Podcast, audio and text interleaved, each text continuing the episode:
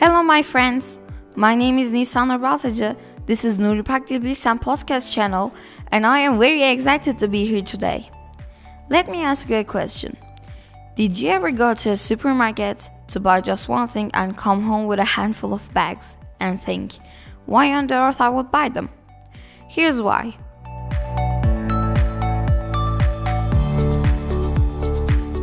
Top 5 tricks of the trade that supermarkets use. Everything begins with the first whiff. The first thing that you would smell is the scent of the bakery section and good smelling things such as flowers, fruits, herbs, and new ground coffee. Smell greatly impacts your instinct because the smell sense works quicker than the other senses. Smells immediately connects with the part of your brain that triggers emotions and hormones such as dopamine. And if you start shopping happy, it encourages you to spend a generous amount of money for the rest of your journey. What do you see when you look at the shelves in grocery stores? Eye level is probably the most important thing when it comes to trade tricks. Have you ever noticed those healthy products are at the top? Cheap ones are at the bottom, and expensive chemical products are at the eye level. Also, discounted products are at the eye level too. The same strategy applies to children at the same time. High sugar foods and toys are at the height that children can see and reach. Coincidence? Products such as milk, eggs, and bread, which people need daily, are in the extreme corner of the markets. And if you want to take them out of a corner and get out, keep dreaming, because they're all in separate corners. And if you go the even shortest way, you pass a lot of shelves and lose a lot of time. It's one of the ways to show you as much expensive stuff as possible might want to buy.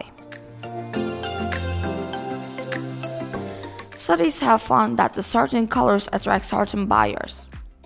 People go into stores with warm hues such as reds, yellows, and oranges. On the other side, cool interior colors like blues or greens often encourage shoppers to spend more. Markets with oranges have fruits and veggies near the entrance, like nectarines, oranges, and mandarins. So when you walk by, these bright and lively colors can boost your mood easily.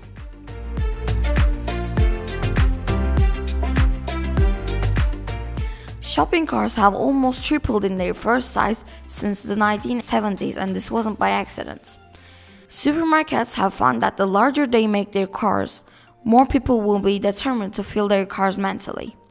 Store size matters too. In crowded places, people spend less time shopping, making fewer purchases, and feel less comfortable. So, grocery stores have been suppressing this by getting bigger and bigger every day, trying to make you feel comfortable so you will shop longer. So, what can we do to get rid of the effect of these tricks? Go in with a list and stick to it. Come with a bag instead of a shopping cart. It's also more environmentally to bring your own shopping bag. Don't care about specific brands or names. What matters is the price performance balance. Don't be fooled by campaigns like 1 free for 3 or 50% discount if you get 2. Campaigns like this only encourage you to buy more products. Going with a limited purchase instead of credit cards or online payment apps.